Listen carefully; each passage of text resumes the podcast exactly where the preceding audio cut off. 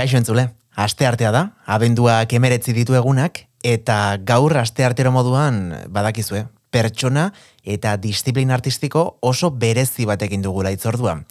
Gaur, gurera, Jose Mi Beltran dator, besazpian, zinema duelarik. Ispilu beltza, astelenetik ostiralera, asierre rastiren naskutik, Donostia Kultura Irratian, edo dena delako podcast plataforman. Horren aurretik baina Durangoko aztokaren atarian ateratako diska baten kantua entzungo dugu jarraian. Diska horren aurkezpena hemen izan genuen. Zuzen zuzenean Donostia Kultura Irratian, ispilu beltza saioan. Hane etxegoien artista izan zelako gurean bere estudioko azken lana aurkezten. Festa izena duena eta berak bakarrik ez bere lagunekin batera osatu duen lana dau, e, Salvadorren eriotza du izena, bueno, ba, mundu guztiak ezagutzen duen kanta ezagun honek, eta kasu honetan, ba, bere egilarekin batera, musika, hitz eder horiei jarri zion Erramon Martikorenarekin batera sortu dute elkarrekin bertsio zoragarri hau.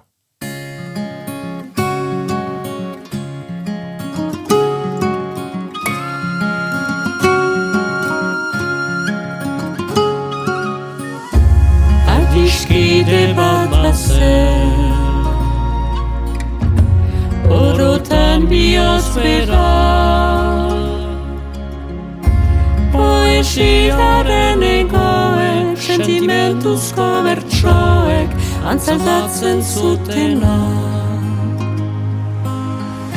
Plazetako kantari Bakardadez josia. Itzelioa iduten Bere barnean irauten Oinaz ez ikasia Ikasia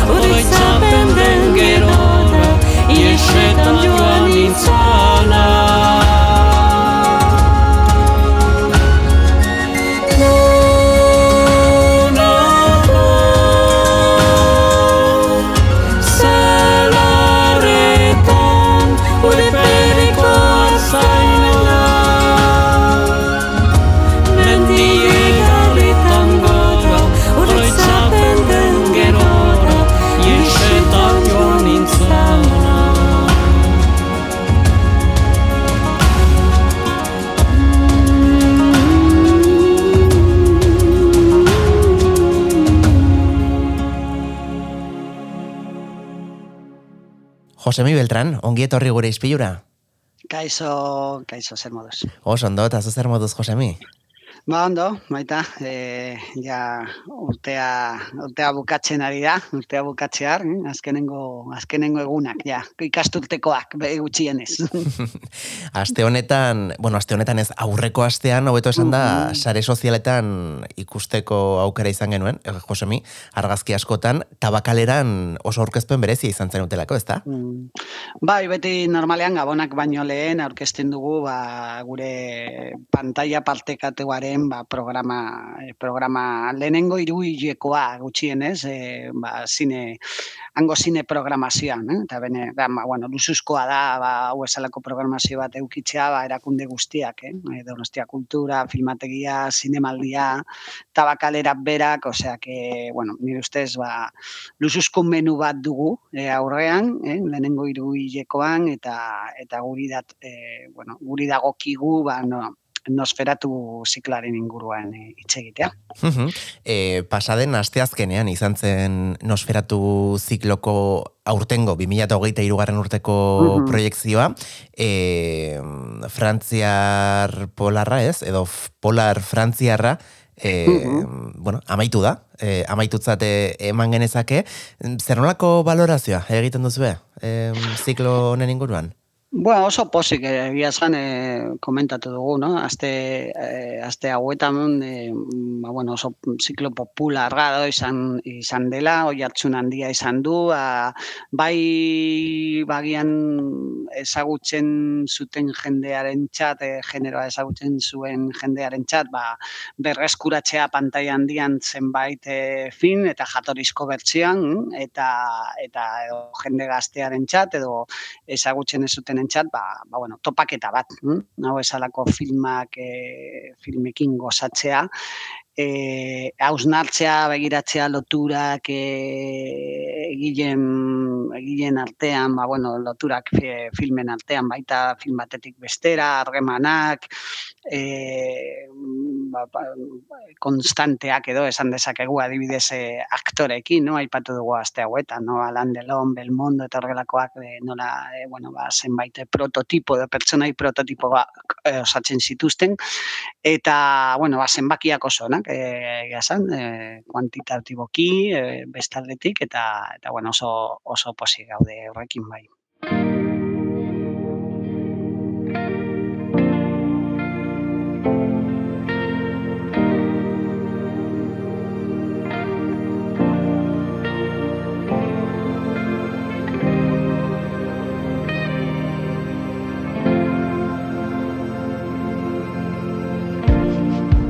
Ez dut inoiz lorerik Jamaina osabaian lurra Izan dut batzutan Ez aitzik ez duenik Ametsandiaren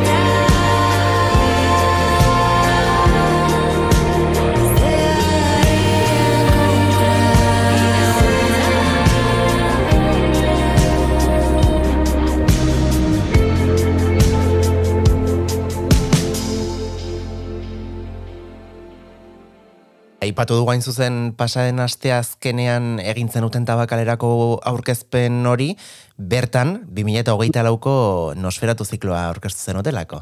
Ba, hori da, e, genero, genero batetik, genero popular batetik esan dezakegu, polarra, Mhm, bai. edo beste genero batera, mm? e, kasu honetan western, mm? westerna, e, bueno, ba, bakeroen filmak esan dezakegu, no? Batzuk esaten zuten bezala, no? E, nire, nire, nire sabak esaten zuen bakeradas, eh? bakeradak. Simplifikatzeko. E, ba, bueno, bakerada, bakerada asko izango dugu urtarriletik abendura arte, aste azkenero, tabakalerako sinema aretoan, baina, bueno, oso konkretuki, ba, estatu batuetako ekoizpenak izango dira, eta e, irurogei amarkadako filmak, e, bueno, ba, irurogei amarkadan hasiko gara. Eh, esan dezakegu hau dela western eh, krepuskularra edo Mhm. western generoaren amaiera, mm, esan Bai. dezakegu. Bueno, amaiera amaiera ez da amaitu, no? baina baina hasi zen pizkate ba, western klasikoa ja bueno, bukatzen edo beste gai batzuk agertzen ziren, autokritika puntu batekin, e, betiko eroiak ja ziren hain eroikoak, mm? e, pizkat e, agertu zen, bueno, ba, e, edo ironia, edo tristura, edo melankolia, edo hau esalako ba, sentsazioak agertzen ziren lehenengo film horietan, e, amarkada horretan, eta handikona, ba, bir pasaketa egingo dugu, ba, 2000 e, 2000 eta hogeita bat urtera arte, azkenengo filma izango da The Power of the Dog, e, Jane Campionek zuzendutakoa, e, baina azkenengo urteetan, ba, bueno, ikusi dugu nola, e, ba, beste mm, ikuspuntu batzuk egon dira e, ba, estatu batuetako historioaren inguruan, no? E, ez dugu komentatu programan, baina, bueno, ba, niri izugarri gustatu zait adibidez Martin Scorseserenen azkenengo filma, hori da mundiala, eh? E, da benetan maizulan bat, e, Los asesinos de la luna edo, eta eta botatzen dio begirada bat western generoari eta eta estatu batuetako historiari, baina inoiz ikusi ez dugun bezala. hm? Batez ere, ba bueno, e, indioen papera eta eta nola violentzian oinarritutako ba zibilizazio bat e, eraiki zen, hm? estatu batuetan eta bueno, ba Scorsese hartzea hartzea berriro western generoa ba, horrek adierazten du ez dagoela hilda e, bat ere, mm? eta, eta askotan ere adibidez telebistan, mm? zenbait eh, telebista saiak edo e, telesaiak e, ikus dezakegu western gaiarekin, orain komentatzen da berriro Kevin Costner bueltatuko dela beste western handi batekin, eh? Ah, pantalla, bai, pantalla handian, bailando con lobos egin eta gero bere garaian bailando con lobos ere garrantzitsua izan zen baita ere esnatzeko generoa, western generoa. mm? Mhm. Eta komentatzen dut, ere, ba, ba, hori, asmoa daukala berriro bueltatzeko horrelako proie, proiektu batekin. mm? E, berez ez dago hilda, eta, eta bueno, ba, irurogei amarkada horretan hasi zen western erabi, bueno, ba, zuzendari batzuk erabili zuten western beste beste kontu batzuei buruz eh, hitz egiteko baita. Mm. Mhm. Egia da oso genero zaharra dela, ez? E, Mm. Nik ez dakit asko zinemaren historiaren inguruan egia san, baina, bueno, lehen kuskusiatzen egon naiz, eta lehenengo pelikula gutxu gara bera kalkulatzen da, mila bederatziron eta irugarren urtean sortu zela, e, Mm, genero bai. honen bueltan, e, izena hementxe daukat, The Great Train Robbery. E, asalto y robo de un tren. Em, egia esan, mm, ez dakit, eh? E, sentsazio daukat agian, mm, e, gure gizartean gaur egun bai orain arte telebistan ikusi izan ditugun zuk aipatutako telesaioien gatik, edo e, publiko heldu batek kontsumitzen ditula gaur egun, gaur egun behintzat, ez? E, horrelako edukiak naiz eta egia den, e, bueno, ba, gurasoekin eta itonamonekin eta hitz eginda, e, lehen mm, telebistaren bueltan familia osoa elkartzen zela horrelako, bueno, ba, generontako pelikulak ikusteko. Gaur egun ez dakit, e, zer nolako, esan duzu, bizi-bizirik dagoela generoa, gauza berritzaileak ere egiten ari direla, mm, zer nolako osasunaz gozatzen du, mundu mailan. Ba, bueno, nire ustez, hau pai, e, genero honek pairatuzun baita, ba, bueno, aurre iritsi batzuk eta eta egoera politikagatik, e, ba, bueno, beti mespretsua pairatuzun, zeren estatu batuetako genero handiena zen, claro, eta orduan ikurga zen imperialismoaren txat, e, Mhm. eta orduan, ba, bueno, ba, estatu batuaen kontra joaten bazara, ba, e, ez da posible gu, gustatzea, adibidez, genero hau, no? Eta, Claro. e, e, askotan arrazoiarekin esan dezakegu, eh? baina bueno, esan erreflexu bat e, e, bueno, ba, bere historia eta bere politikan e, bere ikuspuntua eta beraien ikuspuntua zegoen barruan bai eleberrietan eta bai filmetan, jakina. Baina hau da genero bat, orduan genero bat egon daitezke film oso txarrak edo maizulanak eta adibidez e, bueno, ba, e, zinemaren historiaren barruan mm, maizu bat badago da John Ford, dudarik gabe. Mhm, bai. Eta, eta John Forden iaia guzti, film guztiak daude kokatuta genero honetan, eta bere filmografiaren zehar kontatu zuen ba, western historio, historio edo paisai hoien ba, iaia ikuspuntu guztiak, hm? indioen barne, indioen ikuspuntua barne, ezain beste, baina, baina bai adibidez el gran kombate filmean egin zuen horrela, no? baina, baina gertzen ziren nahi, ba, serifak, e, bueno, ez dakit, e, denetik, no? E, urrezko, ur, e, urrearen bilaketa, e, emakumeen egoera, abokatuak, e, adibidez hemen gen, em, zikloan botako dugu El hombre que mató a Liberty Balance, eta film horrekin John Fordek zuzenduta ba hasi zen baita ba, pizkat desenkanto hori esan dezakegu, eh? E, generoaren inguruan eta e, John Ford berak zuzendari horrek desengainu hori adierazizun filmarekin, no? Ja, ja zen betiko eroia, baina zuk aipatu duzu, pentsa, e, iaia sinema estatu batuetan jaio zen eta oraindik bazeuden bizirik e, kaboiak indiak, indioak, e, bueno, ba, pertsonai guzti horiek zeuden bizirik eta zeuden aktibo. Orduan askotan e, film mutuetan Hollywoodeko lehenengo Mhm. westernetan figuranteak benetakoak ziren. hm? Wow. Osea, benetako kauboiak, osea, benetako eta batzutan baita ere benetako eroiak edo maltsurak agertzen ziren zenbait filmetan, osea, que zen iaia e, ba hori sinema garaikidea e, momentu horretan, osea, iaia dokumental bat zen, hm? zeren e, bueno, John Ford hasi izan e, lehen sinema mutuarekin baita, eh? eta lehenengo eh, western hoietan lan egin zuen asko, eta horregatik ba bere lagun asko e, ziren benetako kauboiak eta bar, no? Osea que, bueno, badago mitika oso handia generoan Bai. eta bestaldetik beti oso genero, bueno, cinematografikoa izan da, porque, bueno, ba, paisaiak, eh, paisaien garrantzia, e, gizona eta emakumen aurrean, ez da ere, paisaia oso garrantzitsua da, badago mugimendua, badago violentzia,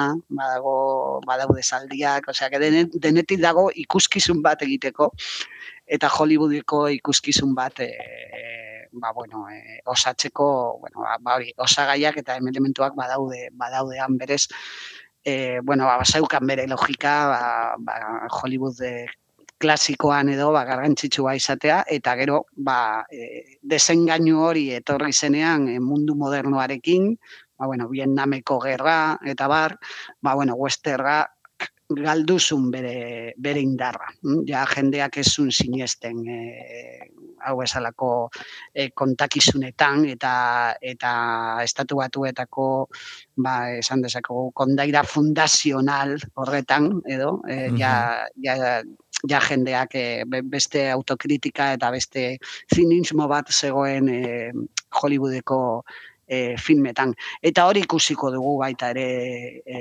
zikloan zehar, eta horregatik nire ustez, ba, garai horiek oso interesgarriak dira, zeren, bueno, ba, betiko westerrak, e, westerren topikoak, e, bueno, hautsita ikusiko, ikusiko ditugu film hauetan ziurazki. Mhm, Claro, aipatu duzu irurogei garrena markadan abiatuko duzuela, bueno, ba, western garaikidearen nosferatu zikloa, baina e, ondoren, 2008 bateko film bat ere besteak beste izango duzu, eh? E, Mm. The Power of the Dog. Em, mm, urte hauetan, Claro, eh, nik egia esan ez ditut, eh? Western film asko ikusi, baina Mhm. ikusi ditudan batzuk behintzat, egia da, eh, agian balio eta, ez, beste eh, film, bueno, imaginatzut film bakoitza mundu bat izango dela, baina beste, bueno, eh, beste genero batzuetan aipatu izan duzu, ez, nola, naiz eta hogei, hogeita mar, berrogei urte igaro, ba ondo zarkitu duela filmak edo edo generoak, ez dakit mm, irurogei garren amarkadako buelta horretako eh, bueno, filmek zer nolako irakurketa izan dezaketen gaur egungo, ez, e, gizartetik. Ba, ba, nire ustez, e, baiaia gehienak nahiko modernoak ziren, eh? bere, bere garaian, eh? Richard Brooks edo, edo Don Siegel edo Sam Peckinpah oso, bueno, modernoak, moderneak ziren batez ere estetik- estetikoki edo formalki, mm cinematografikoki, orduan horregatik indarra hori mantentzen da, eta eta beti ja bazegoen e, bueno ba bazegoen germen bat edo bazegoen osagai batan barruan filmen barruan ba hori e, ni uste modernitatea hasten da, no? Sinema modernitatea, modernitatea zentsu askotan, musikan, beste beste zentsu askotan eta horregatik e, askotan gaur ikusten badugu San Pakinpat edo e, Richard Brooksen film bat, izan daiteke askoz modernoagoa e, gaur egungo film bat baino, no? Edo izan agian gaurko batzuk izan daitezke klasikoagoak edo saiatzen Mhm. dira ba klasiko kutsu hori berreskuratzen edo eta berriro sinestea e, bueno, ba, e, eroiekin eta bar eta mm, momentu horretan ba, ba, mm, ba beste asmo bat zegoen, eh? beste komentatu dudan bezala beste beste zinismo bat zegoen, no? Mhm. e, beste oso garrantzitsua den beste film bat da izan daiteke Sin Perdón edo Unforgiven Clint Eastwoodek zuzendutakoa, no? Adibidez Clint Eastwood da eroi oso modernoa e, eta hasi zen bere bere ikonoa osatzen e, Italian espageti westerrekin, zeren Europatik baita e, ba ikusten zen wester e, Bai. beste beste era batetik eta gero berak bere filmetan, eta batez ere e, Sin Perdón filmean da maizulan bat, eta jakina egongo da gure zikloan, e, ba, bueno, berak hartzen du e, ba, pizka de, desengainuz beterako eroi hori edo pertsona hori eta protagonista hori, ba, bueno, kritikatzeko pizkat e, ze gertatu zen estatu batuetan garai horretan, no? E, ze, ze motatako, ba, bueno, e, violentzia jaso zuten e, ba, bueno, hango biztaldeak edo e, konkista, konkista horren barruan, eh, eta, eta, bueno, batez ere guri interesatzen zaiguna formalki, ba, film bat ona denean e, beti ondo bueno, denboraren poderioz mantenduko da, e, berdin da, e, ba, bueno, hori, e, hau, hauek baino zaharragoa izatea edo modernagoa izatea. Auskalo, nire ustez e, bailar con lobos e, hartzen bad, bailando con lobos hartzen badugu eta hartzen badugu adibidez el hombre que mata Liberty Balance ba e, oraindik el hombre que, que mata Liberty Balance irabazten du baina eta askoz modernoagoa da konparatuta Kevin Costnerren filmarekin.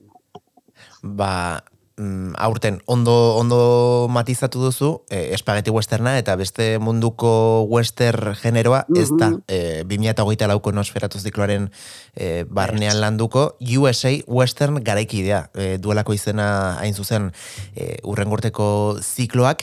Eh, aipatuko dugu asteazkenero ez da eh, Bai, abenduare, bai. a- abendua ez, Jesus, urtarrilaren amazazpian hasiko da lehen, eh, bueno, lehen filma emititzen, eta, bueno, ba, hain zuzen pasaden astean egin zenuten aurkezpenean, aipatu zenuten, e, tabakaleran e, eskaineko diren film guztiak ikusteko bonu bat ere, zinema bonu bat e, eskuragarri dagoela, egun da hogei euro dira, mm, batek esango du, wow, diru asko da. Bai, bai, baina berrogei film ikusteko aukera dago, beraz, e, gutxo gora bera, Urtea, bako, urtean, ze, urtean zehar.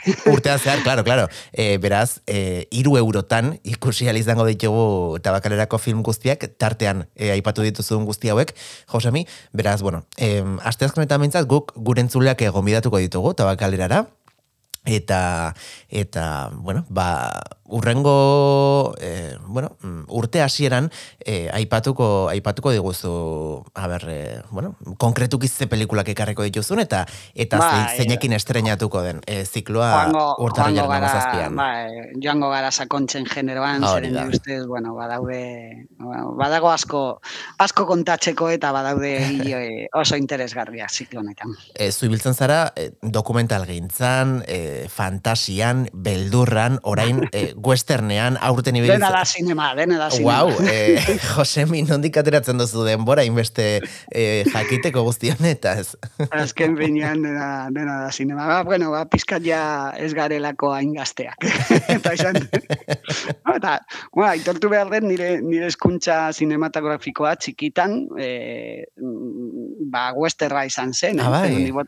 Bai, askotan, zeren ni go- gogoratzen dut baita nola telebistan, no? lehenengo katean, edo, edo bi kate bakarri zeudenean, bai, e, ba, askotan westerrak izaten ziren, ba, bueno, ba, eta wester onak e, gehien- gehienak, no? adibidez, John, John Forden lanak zeuden, ba, ba hori, larun bat batean, atxaldeko lautan, e, telebistan, no? Eta, eta hori, ba, kriston eskuntza esan zen niretzat, e, hau esalako jakin gabe, hain trebeak zirela, baina jakin gabe, e, bueno, ma, maizulan asko e, ikusten genitun e, astebururo, eh? Telebi- telebistan. te- telebistan, eh? Zegoenean eh, hainbeste streaming plataformak Jo. zeudenean eta bar. Ni, nik uste nuen, zuketzen nuela, etzen ituela bi kate horiek ezagutu, Josemi. ba, bai, ba, bai. ba, ondo mantentzen zara, izo. eta zuri beltxean baita, eh? Ni gogoratzen naiz, e, ETV bin, e, buf, zenbat Mm. urtetan bota duten bonanza, Bai. e, arratsaldero, eta ba, Ekoak, esan behar dut ez direla normalean hain onak. hain luzeak eta urteetan eta urteetan e, ikusi ditugunak. John, John Fordekoak horiek. Eta- bueno, bere duintasuna badaukate gehienak. Aizu, em, hemen zodela em, baliatuta zergatik, orain, claro, eh, hainbeste telebista kate dauzkago eh, gure etxeetan, eta gainera ordainpeko telebista bere daukago, are eta gehiago, zergatik kate txikietan, presupuesto gutxiko kateetan, denbora guztian westernak besterik ez ditugun ikusten. Bueno, nik uste badagoela, ba, salmenta politika bat, esan, esan Me, me, merkeak direlako, agian Bai, zarrak normalean izategatik. horrelako edukiak eh, lote batean edo erosten dira. eta, eta, bueno, ba, generoak adibidez, ba, bueno, normalean saltzaile, sinema saltzaile batzuk badaukate katalogo bat oso handia, ba, genero desberdinekin, eh? horregatik, ba, batzutan ikusten dugu Steven Seagalen fil guztiak eh, kate berdinean, eta horrelakoak, edo arte martzialak, edo kasu honetan, ba, westerrak. Vale, vale, vale. O sea, que horregatik da. Aizu, eh, Josemi, mm, urrengo urtera arte, eh, ez gara berriro ikusiko, eh, Bai. eta gustatuko litzateke, pasaden astean emititu genuen natala grabatua zenez, eh, badakit, mm, bueno, ba, zoritxarrez eh, zuek eta zuk pertsonalki ere lotura eta relazioa zenuela Itziar Castrorekin, eh, Bai. ez dakit hemendik, eh, bueno, zer azpimarratu zenezake aktore eta pertsona erraldoi eh, honetaz. Bai, bai, benetan, ba, bueno, ba, oso tristea izan da guretzat e, e, albistea, e, bueno, jakin genuenean, ba, egunean bertan, e, bere la, lagunen gatik, eta, eta bueno, ba, mm, garrantzitsua zen gure gure beldurrezko astean, e, gonda askotan, e, ba, matara dios filma orkesten, gure kartelaren protagonista izan, Mhm. izan zen 2018an, e, ape- epaimaikide izan zen, e, eta bueno, donostira etortzeaz aparte, ba, gero ere topatu dugu ba, beste zenbait e, beldurezko zinemaldietan, eta eta beti oso pres, oso, bueno, ba, ba, ba, beti pres laguntzeko, esan dezakegu, eta beti pres, e, eta lehenengo aldiz, etortze, etorri zenean lehenengo aldiz e, Matara Dios film orkesteko, mm, ba, bueno, ba, ia, ia, e, lehenengo, bueno, maitasuna, no esan dezakegu, a primera vista edo, esan dezakegu, e, bera eta publikoaren artean, eta beldurezko publikoaren artean, no? Horregatik, ba, bueno, merezimendu askoz e, izan zen gure Frankensteinen e, emazte gaia, Bai. gure, ka- gure, gure kartelean, gure postere ofizialean, Zora harra izan Eta- eh, kartelura. Ba, eta gero beti lan egin du Calle Casa zinemagilarekin, adibidez eh, La Mesita del Comedor filmean aurten Mhm. irabazi, irabazi zuena, ba, ba, ba zeukan baita paper txiki bat, eh, Matara Diosen ba, ba, protagonista zen, eta ba, bueno, benetan oso aktore interesgarria eta indar, indartsua iruditu zitzaidan, pieles gogoratzen dut baita, Mhm, Eduardo Casanova bai. zuzendu, zuzendutako filma, edo bizabiz telesaia, eta bueno, zeukan energia guretzat e, ba, bueno, eh, oso polita, oso polita zen eta eta beti eskertuko diogu.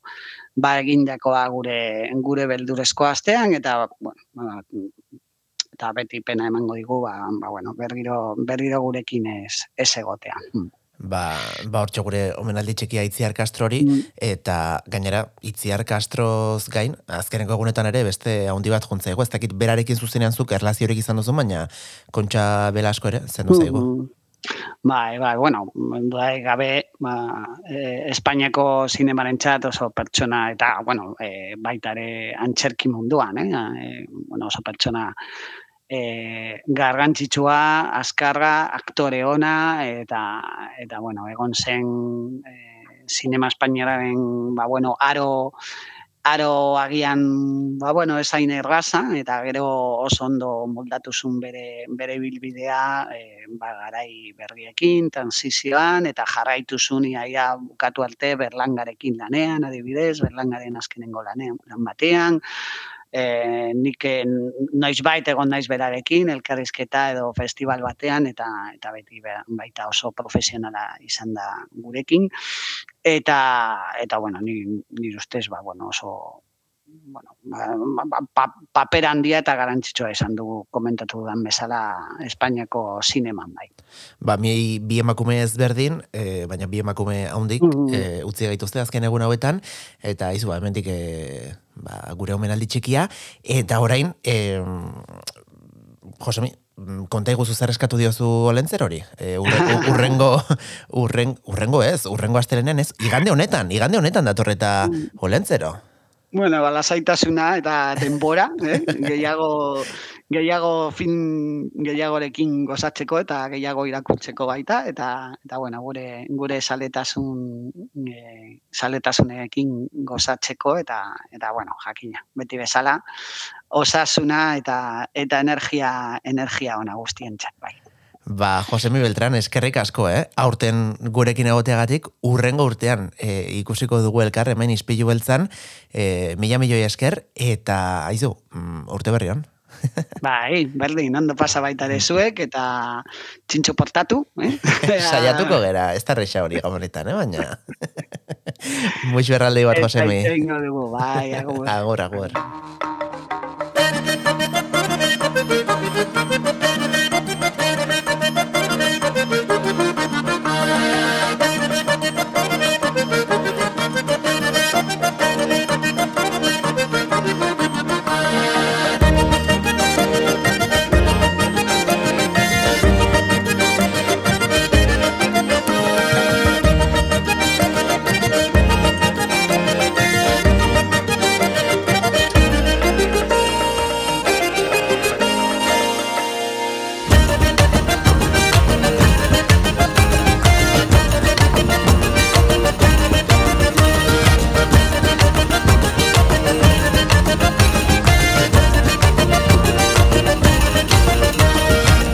Ederregia zelako sasoian irrita farra. Azkenik asto batekin tratua egin beharra Tratua egin beharra sasoian irrita farra. Alargo nuntzen da hortxe daukazu erte bakarra. Era baina nizkea ize pekatu tristea. Pekaturik tristeena sasoia joaten ustea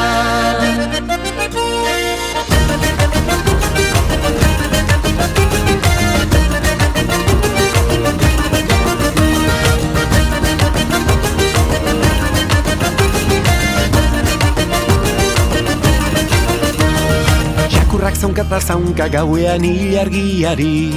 Haren zaunkak gora bera hilargiak beti argi. Hilargiak beti argi gauean hilargiare. Maitearen begietan ikusten ditut izarbi Izarrik ez bada ere bileia eder dira de Zeinetatik sartuko naiz baiteak igerri gabe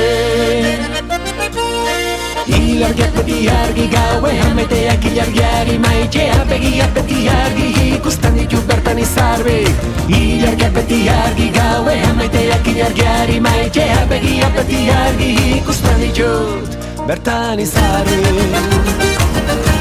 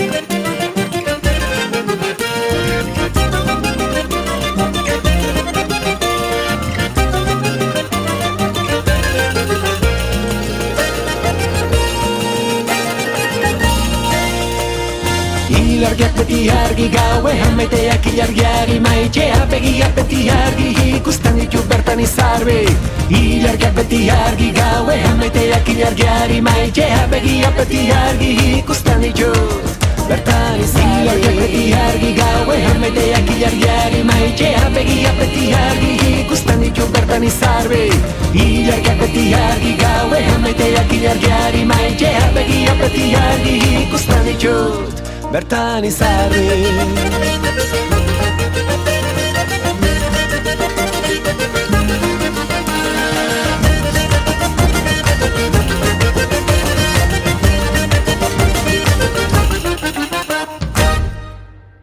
Ba, tira entzule, hause izan da guztia gaurkoz. Abenduaren emeretzia dugu gaurkoa, eta bi egun besterik ez dira falta. Mm, Santo Tomasak iristeko, ostegunean iritsiko delako egun handia donostiara, eta hala ere, naiz eta, bueno, festa eta algara izango den aldezarrean, eta, bueno, beste donostiako auzo batzuetan protagonista, guk ere gogoratu, eh? ostegun honetan izango dugula. Ispilu beltzaren edizio berri bat, baita biharreren, noski. Bihar, e, goizeko seiretatek aurrera, izango duzuelako entzun gai, gure saio berria, zuen podcast plataforma kutxunenean, eta bestela badakizu, ez, zortziretatik aurrera, donostia kultura irratian ere bai, eunda zazpi puntu lau FM-ean, edo irratia.donostiakultura.eus atarian. Bien bitartean, badakizu, txintxoak izan. Agur!